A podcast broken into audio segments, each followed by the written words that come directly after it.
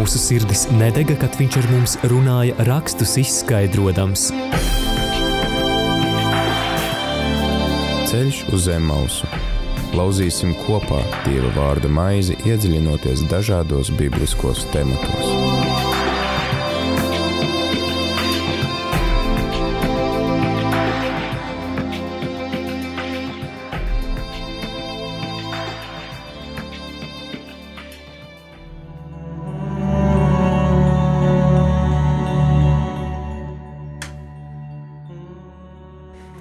Rādījumā arī Latvijas klausītāji ir ceturtdiena, laiks raidījumam ceļš uz Zemmausu, kā mums tas ir pierasts rādījumā arī ēterā. Ceturtdienās pulksteni četros, un mēs eh, turpinam lasīt um, izceļošanas grāmatu. Esam nonākuši līdz tādai ļoti eh, svarīgai grāmatas sadaļai, kura ieņem eh, ļoti tādu centrālu lomu visā vispār jūdaisma tādā kultūrā, arī pats paši šie vēsturiskie notikumi, darbība šķiet ir apstājusies un ir tāda ilgāka pauze uz vairākiem mēnešiem. Šeit mēs esam nonākuši līdz Sinaja kalna pakājai. Mēs iepriekš lasījām par to, kā izrēlieši gatavojas sastapties ar Dievu, Pēc tam mēs lasījām to, kā izrēlieši saņem likumus no Dieva, desmit Dieva baušļus. Tad šodien turpināsim lasīt, kādus vēl likumus Dievs dāvā, kad viņš atklājas Izrēla tautai. Mēģināsim arī saprast, kas no tā visa attiecās uz mums. Un tāpēc arī šodien, tad kā ierasts mums raidījumā ceļš uz Emaus, ir arī kāds ceļa biedrs, kas mūs pavada šajā ceļā, kas mums palīdz saprast rakstus, kurus mēs lasam un tos attiecināt arī uz sevi, uz savu ikdienu. Šodien tas ir septītās dienas adventistu Bauskas un Rīgas piektās draudzes mācītājs viesturs Reķis. Labdien! Sveicināti! Prieks jūs dzirdēt šeit rādījumā Marija ēterā un prieks, ka atsaucāties dalīties varbūt ne par tām vieglākajām rakstu vietām, kuras var lasīt izceļošanas grāmatā. Prieks apusējis, paldies par uzaicinājumu, un tiešām šī rakstu vieta ir diezgan tāda interesanta. Jā, klausītāji, tad aicinu tevi sameklēt otrās mūzes grāmatas 20. nodaļu. Lasīsim no 22. panta līdz 21. nodaļas 11. pantam. Šodien likumi, kas skar altāri un kas skar eh, vergu eh, turēšanu. Un varbūt, ka arī no tā visa varēsim kaut ko izsecināt, kas attiecās uz mums. Tā kā izceļošanas grāmata, 20. nodaļa, 22. pants līdz 21. nodaļas 11. pantam.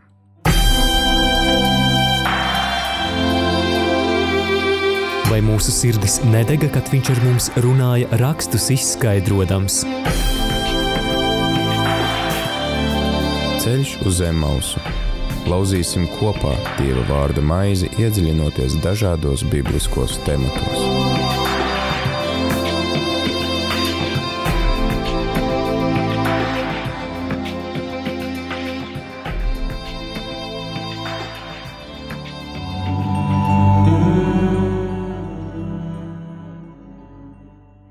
Un kungs teica Mozum: Tās saka Izraēla dēliem, Jūs redzējāt, ka es runāju ar jums no debesīm, netaisiet man sudraba un zelta dievus, netaisiet tos sev. Taisi man altāri no zemes un upurē tur sadedzināmos upurus, savas avis un vēršus. Visās vietās, kur es esmu atgādinājis savu vārdu, es nākšu pie tevis un svētīšu tevi. Jo tu man taisīsi akmens altāri necelto no tēstiem akmeņiem, jo kad tavs kalts pār to būs gājis, tu būsi to padarījis nesvētu. Un nekāp uz manu altāri pa kāpnēm, ka pār to neatklājas tavs kailums. Šie ir likumi, kurus tu viņiem dosi. Kad tu pērc ebreju vergu, lai viņš vargo sešus gadus, bet septītajā, lai viņš par velti iet brīvībā. Ja viņš ir atnācis viens, tad viens, lai viņš aiziet, ja tam ir sieva, lai sieva iet viņam līdzi Ja viņa kungs ir devis tam sievu un tā ir dzemdējusi dēlus vai meitas, tad sieva un viņas bērni pieder kungam, bet viņš lai iet viens. Bet, ja tas vergs uzstāj, es mīlu savu kungu, savu sievu un savus bērnus, es neiešu brīvībā, tad lai viņa kungs to ved dieva priekšā, lai ved viņu pie durvīm vai durvju stenderes, lai viņa kungs caurdur tam, tam ausi ar duramo un lai viņš tam kalpo uz mūžu. Ja kāds pārdod savu meitu par verdzeni, lai viņa neaiziet kā vergi, ja tā netīks savam kungam un tas nav viņu atzinis, lai viņu izpērk. Svešai tautai viņš nedrīkst to pārdot, jo tad viņai nodarītu pāri.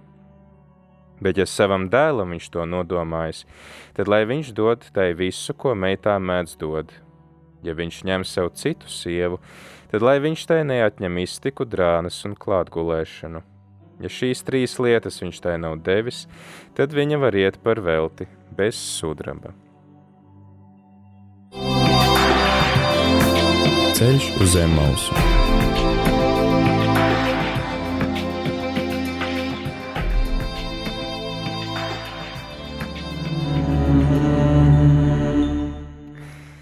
Jā, tad uh, Dievs dod Izraēla tautai likumu. Uh, pirmkārt, jau tiek doti šie desmit baušļi, vai arī uh, desmit teicieni, uh, kā to mēdz arī uzskatīt ebreji. Un tad seko daudzi, daudzi priekšraksti, un norādes un noteikumi. Um, mums, kristiešiem, diezgan saistoši ir šī 20. nodaļas pirmā daļa.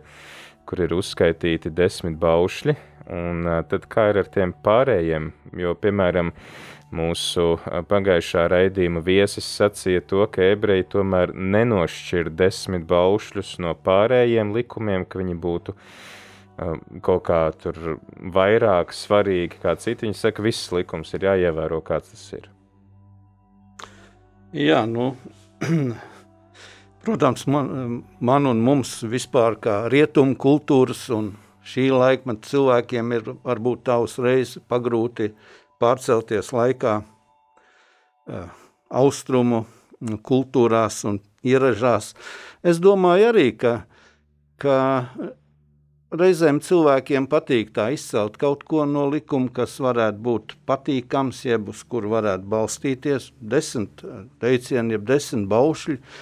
Nu, tie ir ļoti nozīmīgi, svarīgi. Mēs tos akcentējam un, un sakām, tie jau ir regulējoši. Nu, kristieši saka, arī regulē attiecības ar Dievu, bet arī pārējā sabiedrība tos pieņem vismaz tās regulējošās daļas attiecībā vienam pret otru, pret īpašumu, un tad nāk tie pārējie likumi, kurus Dievs dod mūzum, kad Izraels ir iznācis no Eģiptes verdzības. Un es domāju, šeit sākās tas veids un ceļš, kā Mozus formē Dievu gudrībā un viņa aizgādībā izraelieši par tautu. Un, lai tauta varētu eksistēt un būt, ir vajadzīgi likumi. Bez likumiem jau nekas neiznāk. Un pirmais šeit, kas seko desmit baušļiem, un tai iedaļai tur ir likums par, par altāri. Savā veidā pielūgsme altāris ir pielūgsmes vieta, arī zīme tā, kur atcerēties, ko Dievs ir darījis. Un, nu, mums varētu būt, es nezinu, interesanti, vai kā eh, domāt, kāpēc tieši tādi norādījumi un savādāki. Nu, pirmajā iedaļā netaisiet man sudrabu un zelta dievus, netaisiet tos sev. Kā bija šī atkārtojās, jā, desmit baušļi. Tas ir desmit baušļi un, un arī tā ievada daļa, un manuprāt, te ir vēlreiz norādījums, ka Dievs ir tas suverēnais, tas pāri visiem, un jāsaprot arī no kādas kultūras viņi tagad nāk ārā, kur bija ļoti daudz dažādi dieviņa dievības, mm. kur cilvēki mēģināja regulēt ar šīm te mm, dievu formām to savu sadzīvi, arī tur, kur viņi dodas apkārtējās tautās, jau tāpat bija dažni dažādi gan mājas, gan tautas cilši un tā joprojām dievi. Un nu, tos eh, nozīmīgākos vai ko mēģināja ar dārgākiem materiāliem attēlot, pārējos varbūt ar citiem es domāju, man tā liekas, es neesmu liels vēstures un to laiku eksperts. Es domāju, ka šis ir vēlreiz tāds atgādinājums, eh, tā uzmanība, kurš tad ir tas dievs? Mm. Kāpēc? Jo jautājumi ir, kāpēc mēs ejam, kur, vai viņš ir pārāks vai nav. Varbūt mums jāuztais ir kādi vēl citi dievi pārējām sadzīves vajadzībām, un tad ir atgādinājums netaisiet. Arī dievam nepievienojiet viņa tam svītu, neveidojiet viņam kādu. Jā. Kā reizēm tā gribās, nu, tur ir tas galvenais, un tad tur apkārt kāda svīta. Un arī sev neliekat tos. Nu, es domāju, šodien, kas tad ir mainījies šodien? Vai Dievs ir joprojām tas vienīgais, tas dzīvais, visvarenais? Ja mums arī reizēm gribās kādu dieviņu nolikt. Jo kāpēc ir vajadzīgi šie alki vai tie dievi? Ar to dzīvo dievu ir grūti, jeb neiespējami manipulēt. Ar tiem pārējiem ir vienkāršāk. Tur mm. mēs varam dievu taisīt pēc sava ģīma, līdzības, pēc savas vajadzības, un Dievs tomēr, es te redzu to garīgo nozīmi, ka Dievs saka, nu, nemēģiniet tā iebraukt atkal kaut kur, jo tad nāk prātā jau tas jātais mazs ekskurss pie radīšanas stāsta. Problēma radās tad, kad cilvēks sāk klausīties citā balsī. Mm. Mēs vairāk akcentējamies uz tām mešanām, košanām un, un, un pārējo, bet sākums jau ir, kas sāk apšaubīt Dievu balsi. Un sacīja, jūs jau arī varat būt un risināt. Un šie te sudraba zelta un vai kādi dieviņi ir tas mēģinājums risināt mm. problēmas, pielabināt kādas dabas spēks, pavērst kaut ko, kādu sociālo problēmu. Un arī šodien tas ir svarīgi atcerēties, ka Dievs ir savā vietā, manuprāt. Šeit, šeit arī atkalās, atkārtotā likuma grāmata, Jā. piektā nodaļa, viņa paskaidro to, ka kungs runājis jums no uguns vidus vārdus, jūs dzirdējāt skanam, bet veidolu neredzējāt, tikai balsi vienu, tāpēc arī, ka jūs nezināt, kā viņš izskatās, tad arī nav jēgas arī mēģināt. Arī tā, nav jēgas mēģināt, jā, un, un, un, un, un te jau ir arī tā lieta. Altāris, jā. Altāris ir svarīga lieta, un tad šeit ir savu veidu tāds norādījums, veidot altāru no zemes un tur upurēt tos sadedzināmos upurus, āvis, vēršus, visās vietās, kur es atgādināju savu vārdu. Un tad kungs saka, es nākšu ja tevis tur, kur tu upurē, tur, kur tu, ir tava pielūgsmes vieta. Bībeles pētnieki, komentētāji un, un eksperti vai sauksim kā viņas. Gribu vai ne labi palasīt, paskatīt tie, kas pēta roku un, un, un, un meklē, viņi saka, ka tā, tas varētu būt iemesls tam, ka tajā vietā, kur viņi gāja, nebija daudz akmeņu, mm -hmm. no kuriem celt tādu paliekošāku altāri. Tā bija vieta, kur vairāk zemi, un, un daži domā, ka tur maisīja kopā ar salmiem vai ko tādu mm. mālu veidoja tādas zemes formas. Es nezinu, ļoti iespējams. Bet kāpēc tiem akmeņiem ir jābūt netēstiem? Kāpēc viņi nedrīkst apstrādāt skaisti? Un, un... Tas ir labs jautājums. Es nezinu. Atkal, cik tālu var uzticēties vai ko un, un domāt, cik tālu Dievs iet līdz cilvēka tā laika izpratnē.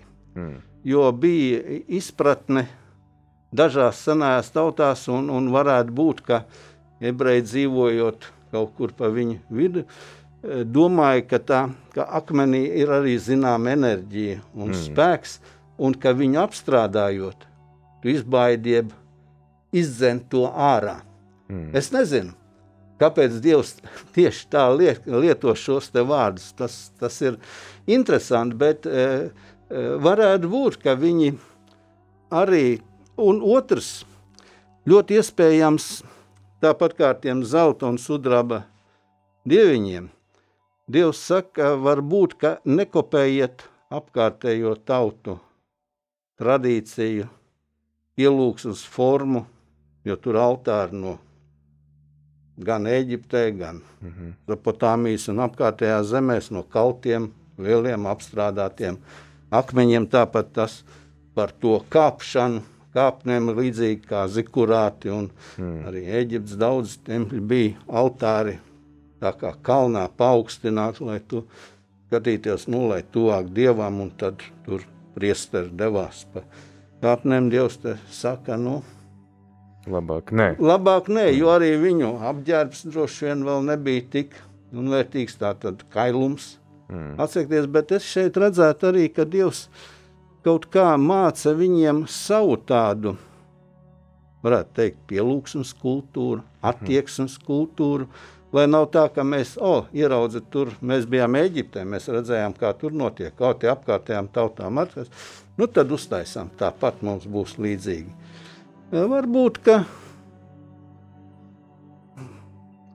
Interesanti, ka ar to altāru veidošanu sākotnēji ir teikts, ka tu man taisi man altāri un upurē vietās, kur es esmu atgādinājis savu vārdu, un mēs to tik tiešām redzam, ka gan pirms izceļošanas, piemēram, Abrahams, viņš piedzīvoja Dieva kādu parādīšanos, viņš uzceļ altāri un upurē vai Jēkabs Bētelē, ja, vai, vai pēc tam arī tad uh, Mūzus. Bet tad nāk kāds brīdis, kad viņš saka, nē, tagad mums būs tikai viens altārs, uz kuru var upurēt. Kāpēc tāda pārmaiņa? Tas kaut kā, lai, jā. Varētu būt vairāk tā koncentrēšanās uz šo te notikumu, kad Dievs ir iejaucies, jo ar sentāviem un kur gāja tik tiešām, tur, kur bija kāds ievērojams dzīves notikums, altārs bija tā piemiņas pielūgsmes vieta, ne, kur arī upurēja šos dzīvniekus pēc arī priekšrakstu, kā tas nu, bija noteikts. Un, un šeit varētu būt arī tā, tā atklāšanās, kur Dievs atklājās kur es atgādinu savu vārdu. Varētu būt, ka tas ir vairāk atkal, lai tā uzmanība uz Dievu, bet tādu vienu atbildes man grūti uzreiz tā pateikt, jā, kā, kā tas būtu, jo, jo, jo viss tā situācija un, un, un, un, un, un, un, un vispār tas sākums, kad Dievs dod šos norādījumus caur mūzu, tauta jau vēl ir lielā sajukumā. Viņi īsti vēl nezina. Te viņi, ir, mm. te viņi bija vergi bez lielām tiesībām, vai ne, bez, bez kaut kādas noteikšanas. Tagad viņi ir brīvi, brīvība reizēm. Cilvēki traktē dažādi, vai ne? jā, jā. Vai ne? Ka, ka, kaut kur tā brīvība, to jau sāk tie desmit bauši regulēt to brīvību, mm. cik tālu viņi var iet. Un arī es domāju, tās pielūgsmes formas, jo cilvēkiem jau no sākta gala gribās kaut kur arī tajās pielūgsmes formās ienest kaut ko savu, jeb to Dievs, Dievs sacīja upurēt sākumā, nu, cik mēs noprotam no mūzes uzrunas un vēstījuma, to jēru upurēt, ja dzīvnieku asins izliet. Nu, Viens sacīja, nu, es neesmu slepkavnieks, vai ne? Es labāk ķirbas nolikšu un vēl kaut ko. Yeah. Un Dievs sacīja, bet vai es tā sacīju? Es mm. novedu, es negribu nogalināt jēru, es neslepkavošu, es par dzīvnieku tiesībām iestājos, un tad par laikā Dievs uzlūko manu brāli, un es tā apbēdinos, ka es viņu ņemu un nositu. -hmm. Vai ne? Un kaut kur nāk līdzi šīs formas. Varbūt, ka Dievs te arī ļoti iespējams māca un caur mūzu, ka arī tai pielūgsmei ir jābūt kaut kādā veidā reglamentētai tādā, lai nepazūd no uzmanības tas galvenais. Un kas aiz tās pielūgsmes stāv, nes, bet tur ir Dievs, mm. un arī tā ir viņa atklāsmes vieta. Dieva vārds atklājās. Nu, Tas varētu būt tāds skats no vienas puses. Jā, te arī runājot par to, tas arī var teikt, ka salīdzinājumā ar tiem baušļiem ir, ir šie baušļi, kas vispirms regulē attiecības ar Dievu. Tad arī mēs redzam, ka pēc mm -hmm. tiem desmit baušļiem vispirms, tad kā jūs pielūksiet Dievu, kāds būs tas altārs, pēc tam seko pārējie tie likumi, kas skar sadzīvi. Pirmais ir likums par vergiem, bet vēl pie tā iepriekšējā par to, ka mēs neesam redzējuši Dievu, kurš runā uz mums, mēs esam dzirdējuši tikai viņa balsi. Interesanti, ka mums jaunā derībā gan ir citādāk. Mēs esam redzējuši, kāds tas mūsu Dievs izstāsta. Jā.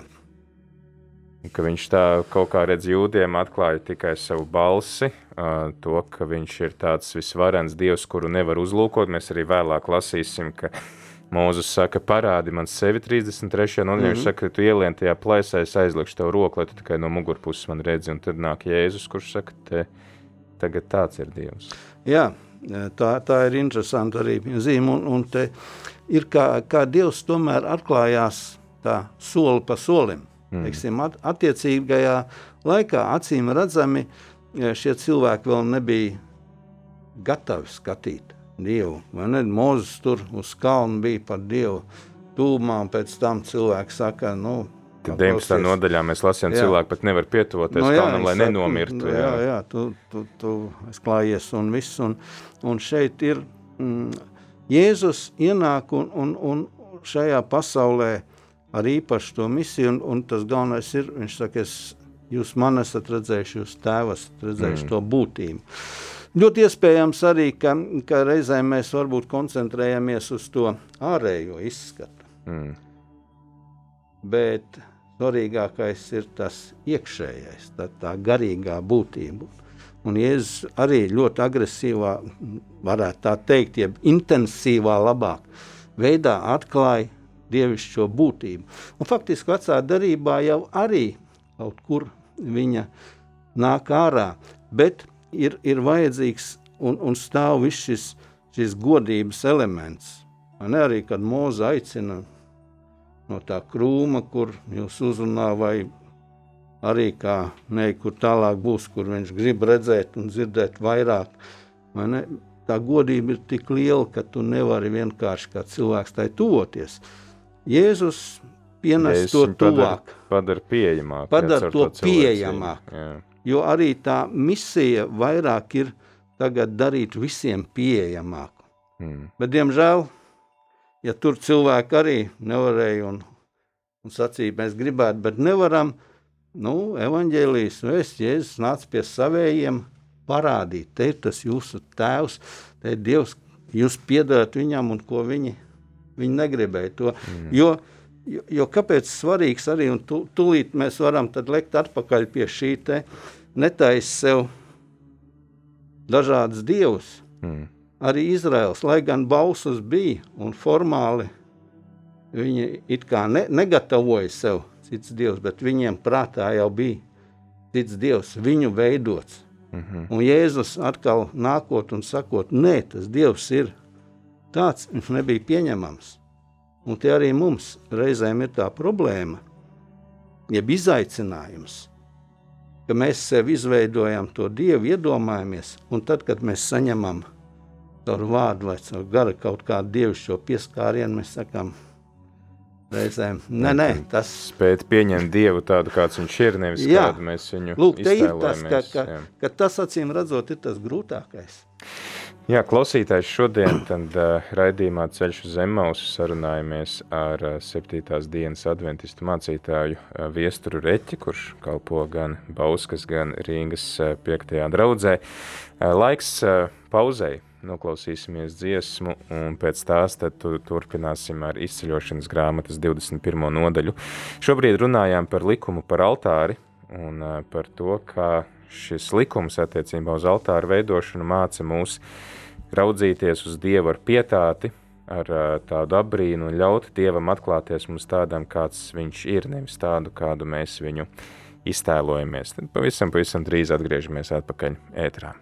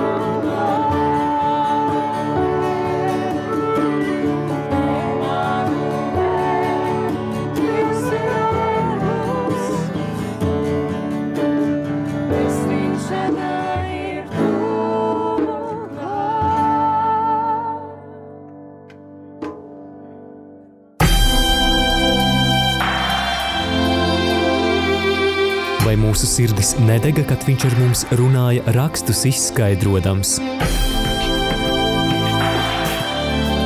Ceļš uz zemes mausu. Lauzīsim kopā Dieva vārda maizi, iedziļinoties dažādos bibliskos tematos.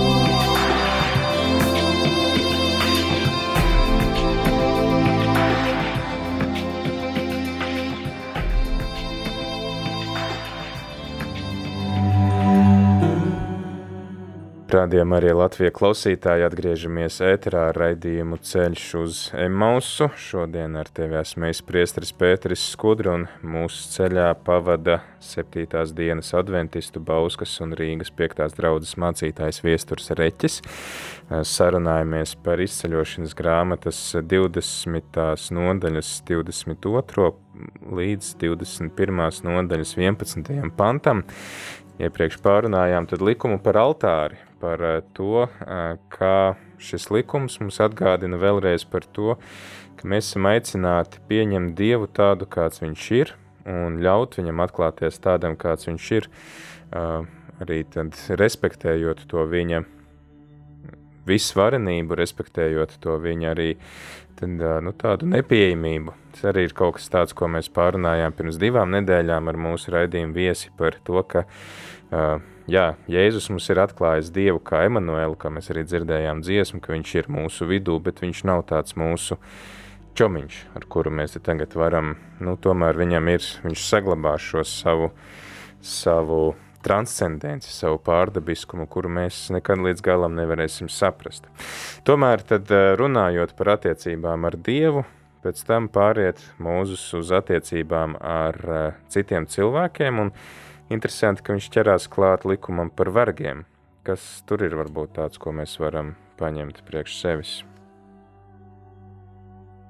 Jā, nu, šodienas kontekstā jau vārds vergs nav tas patīkamākais, labākais un pieņemamākais vārds, un reizēm jau cilvēki mm, arī noprotestē un saka, nu kā tad tā tajā laikā, nu kur tad Dievs tā atļauj arī verdzību, bet reizēm mūsu izpratni par šīm attiecībām un arī varbūt par to verga būšanu, nebūšanu un tā tālāk ir, ir saistīta ar mūsu varbūt izglītības kultūras vai kaut kādu mācīto, lasīto, nu tādu vienpusēju skatu. Šeit, šeit formējās tauta, veidojās ir dažādas attiecības cilvēki, kā jau visur ir nodrošinātāki, mazāk nodrošinātāki. Un, un arī šī verdzība, jeb kalpošana, kāds varbūt labprātīgi dodas, jo viņam nav citas izējas, jeb citas iespējas pelnīt, kāds varbūt parādu vai kādu citu dēļ nonāk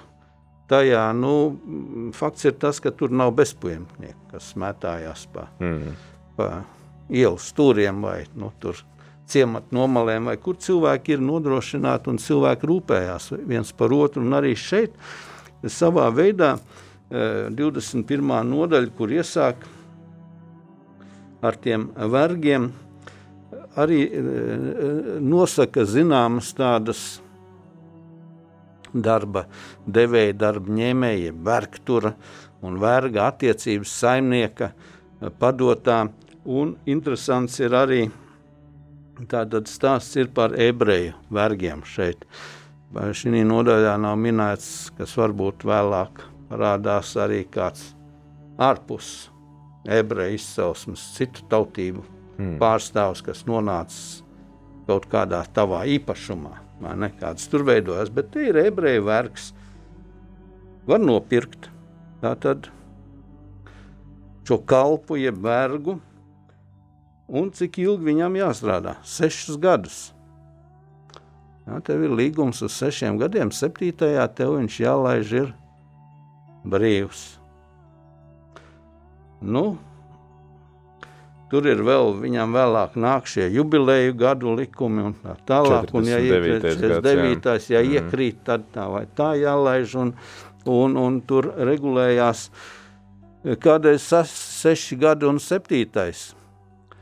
Nu, varētu domāt, ka tas ir saistīts ar, ar šo radīšanas ciklu. Mm. Sešas dienas strādāt un septītajā ir tā, tā, tā adusas tā attiecību izvērtēšanas diena, kad tu izvērtē to, ko, ko Dievs tev dod. Tā kā tas cikls viņiem varētu būt, jo viņiem diezgan nozīmīgi, un Mozus arī akcentē jau sākotnēji, jo viņi nāk no, no šīs verdzības, kur, kur nu nebija šis cikls, kur vergs bija diezgan beztiesisks un strādāja, tad šeit ir zināma regulācija jau jau, jau Bausas saka, tātad sešas dienas arī vergs, lai atpūšās, tātad te nav šīs pārslodzes momentu, mm. un arī e, tu viņu atlaidi.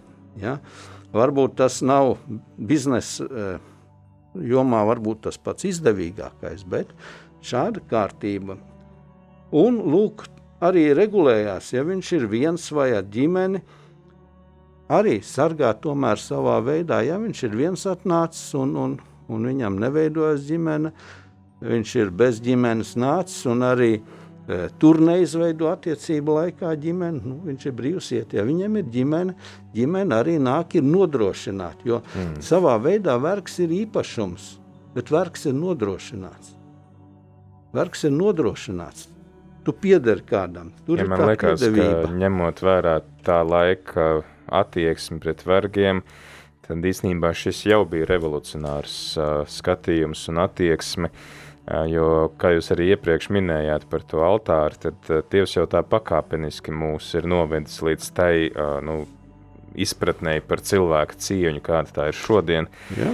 Un uh, to laiku tas bija kaut kas pilnīgi absolūti unikāls, ka, piemēram, jo tie iemesli, kāpēc varēja kļūt par vergu, arī bija dažādi. Tu varēji būt parādā, uh, Tu vari izputēt. Eh, es arī skatījos, ka ir šeit eh, likums, eh, kas runā par to, ka, ja tu esi kādu apzadzis un tu nespēji atdot, tad jā, tu kļūsti jā. par viņa vergu.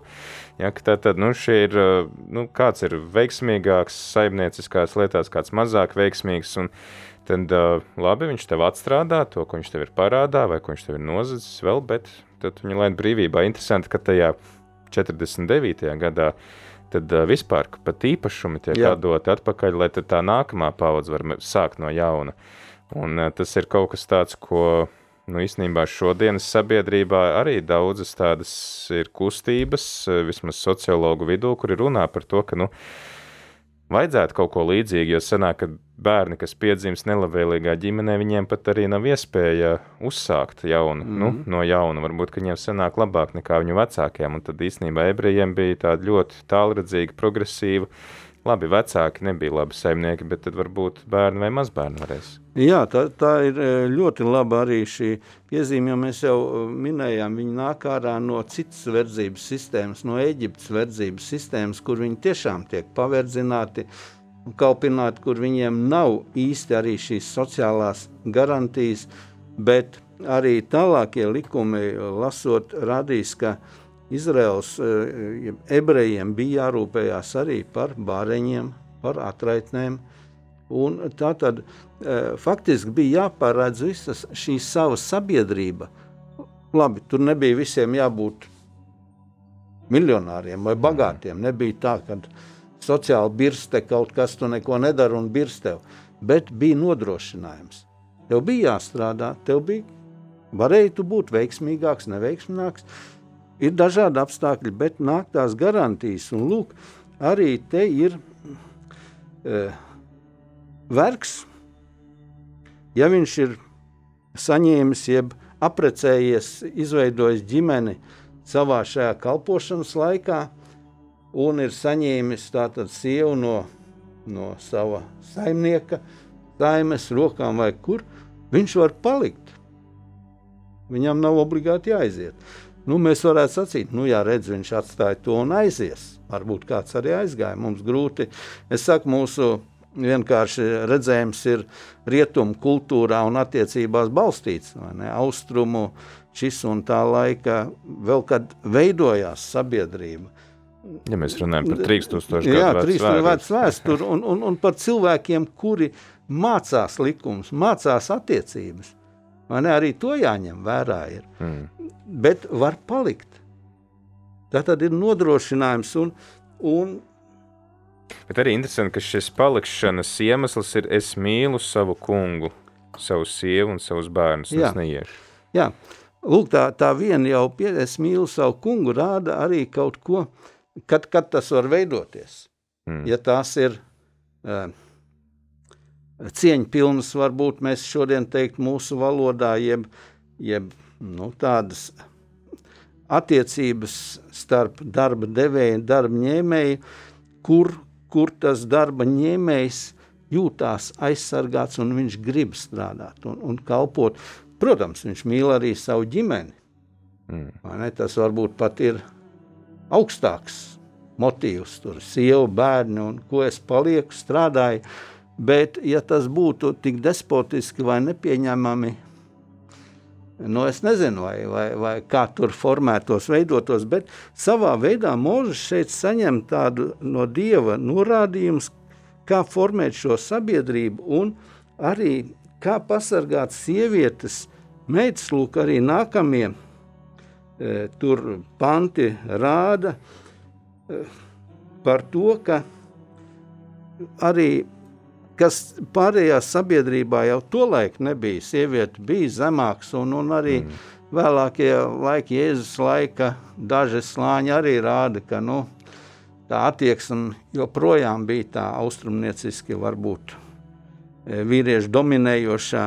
Bet šeit jau caur mūzu Dievs savu veidu revolucionāru tādu piesitienu rāda, ka, ka arī sievietes ir jāaizsargā. Arī viņu vieta, tādā saimē, arī viņu e, vajadzība pēc ģimenes un aizsargāt to, kas veidojies, pat ja tur e, notiek e, cilvēcīgas kaut kādas. Mēs viņu tomēr ir aizsargāti, un Jēzus arī savā veidā lika pārskatīt šo attieksmi, ka arī sieviete ir Dieva radījums. Mm. Ne, savu, līdzvērtīgs. līdzvērtīgs mm. jo, jo, jo, jo, manuprāt, tas šeit un tajā laikā bija nu, savā veidā diezgan unikāli. Par to, par to paklausību viņš saka, ja, ja vergs uzstāja, ka es mīlu savu kungu, savu sievu un savus bērnus, neiešu brīvībā, tad lai kungs uh, To veda Dieva priekšā, lai ved viņu pie durvīm vai durvju stenderes, lai viņa kungs caurdur tam ausi ar caurduramo un lai viņš tam kalpo uz mūžu. Kāpēc tā auss jā, jāizdur? Acīm redzot, tā bija tā varbūt nesāpīgākā vieta, kur dabūt to asins. Varbūt arī lienu un, un, un nu, mēs nezinām, varbūt tur kāda zīme arī ielika, bet mm. caurduri jau un, un atkal durvju tās lodes ir tāpat kā pie iziešanas. Mm. Tas savā veidā simbolizē to piederību.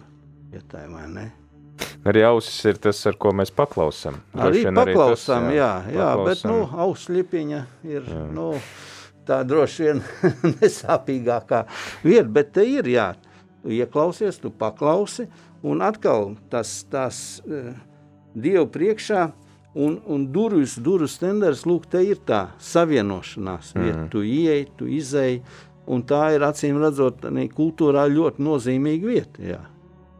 Es, man šī rakstu vieta atgādina, tad, kad mums bija pagājušās jauniešu dienas pirms diviem gadiem Panamā, tad jauniešu dienu moto bija Lūk, es esmu kunga kalpone, lai man notiek pēc tava vārda. Un kas ir interesanti, ka šo Marijas atbildi uz Jā. Dieva aicinājumu sasaistīja tieši ar šo rakstu vietu, jo burtiski viņa lieto to pašu grieķu vārdu, kas ir runāts šeit, ka lūk, es esmu īstenībā kunga verdzene, mm -hmm. lai man notiek pēc tava vārda, ka viņa brīvi, līdzīgi kā šeit piektajā pantā, es mīlu savu kungu, un tāpēc es palieku uh, viņa rīcībā. Jā. Un, uh, tad, uh, savukārt tad par to caurduršanu tur sasaistīja to, ka tad uh, Simeons praviedoja, ka tavu sirdi caurdurs zobu sāpju zobens, ka viņa savā sirdī paklausa, un tad arī to sirdi var teikt, caurdur. Tas, teiksim, šīs attiecības starp saimnieku un vergu mēs varam arī pacelt tādās attiecībās starp dievu un cilvēku. Jā, tieši tā,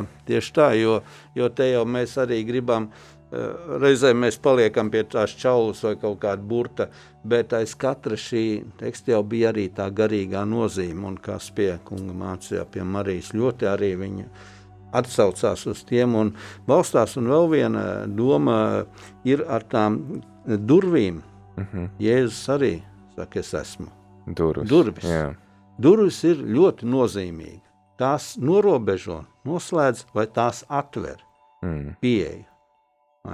Tur ir es, es lūk, nāku un, un es parādu savu uzticību, ja es ieeju tur Dievu priekšā.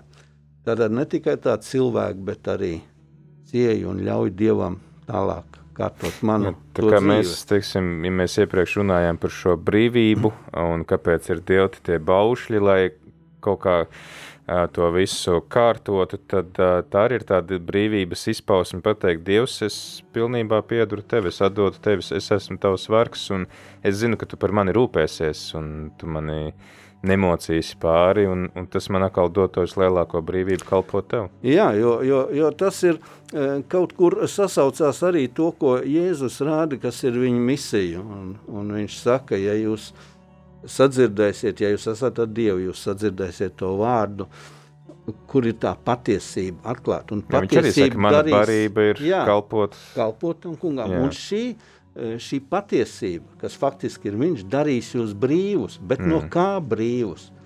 Lūk, te ir, ka mēs aizējām brīvu, piederēt tam kungam, brīvu no, no egoisma, no sevis, mm. no, no grēka. Viņš jau nepadara, un es saku, o, evaņģēlijas tagad tu skrien un, un, dari, un dari, ko gribi. Ko gribi. Mm. Aifo, jo, jo tu lītās jau nāk uz to miesisko, tu tiec kārdināts un savilgts, bet te tu tiec brīvs no tā. Un šeit ir arī, tu it kā esi piedarošs, tu, esi, tu saki, es palikšu vergs ar savu ģimeni. Dievu priekšā es apliecinu, bet tu esi brīvs. Mm. Tu esi brīvprātīgi iegājis. Un, un manuprāt, Arī tas, tas simbols svarīgi, būtu jā. tēva mājās. Jā, šo jā. dēlu, kas paliek tēva jā. mājās, un viss mans ir tavējais. Jā, jā, jā. jā. Un, un lūk, tu, tu arī tā līdzība. Es būšu kaut vergs, es tik gribu būt atpakaļ. Tēva mājās. Un viņš jā. saka, nē, tu esi dēls, un šeit tu arī ieeji mm. tādā saimē. Mm.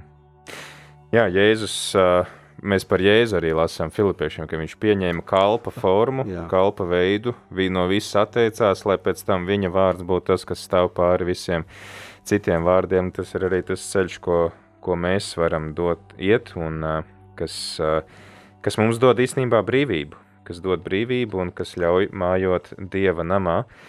Es domāju, ka ar to mums arī jābeidz varbūt noslēdzot šo raidījumu, visu to, ko mēs esam pārnājuši gan par altāri, gan par vergiem. Kas varbūt ir tās lietas, ko mēs varētu paņemt kā tādu apņemšanos, un lai mums būtu tā, ka mēs to vārdu ne tikai dzirdam, bet arī izpildam savā ikdienā.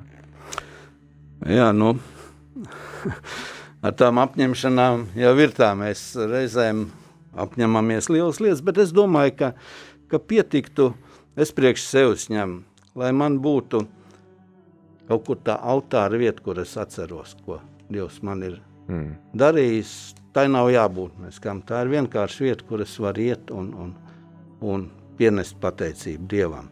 Mm. Tad ar manām attiecībām ar Dievu, un otrs, es sev, ko es mācos, manām, respektēt visus cilvēkus, mēģināt pieņemt viņus, saprast un būt viņiem noderīgs. Varbūt caur šo nu, vergu likumu vai kur, nu, kaut vai maz apņemšanos būt laipnam arī pret tiem, kas tev padoti, saprotošam un, un izmantot saprātīgi. Un, ja tu esi padots kādam, arī saprātīgi dari savu pienākumu. Paldies! Ar to mēs arī noslēdzam šīs dienas raidījumu. Klausītāji atgādina, ka mēs šodien sarunājāmies par uh, diviem likumiem par altāri un par uh, vergiem, kas ir izceļošanas grāmatas 20. nodaļas beigas un 21. nodaļas sākums līdz 11. pantam. Ar tevi ētrā bija iespriestris Pēteris Skudru un kopā ar mums šajā ceļā uz Emausu pavadonis bija mācītājs Viesturs Reķis. Paldies jums! Paldies! Paldies arī jums, klausītāji, par to, ka atbalstat Radio Mariju, ka uzturat to ar saviem ziedojumiem, ar savām lūkšanām. Pateicoties jums, mēs varam turpināt šo ceļu uz Emmaus un iepazīt ar vien labāk Dieva vārdu. Tā kā ceru, ka šis raidījums tev palīdzēja iemīlēt, iepazīt Dieva vārdu labāk, tam atsaukties un arī censties to kaut kā realizēt savā ikdienā.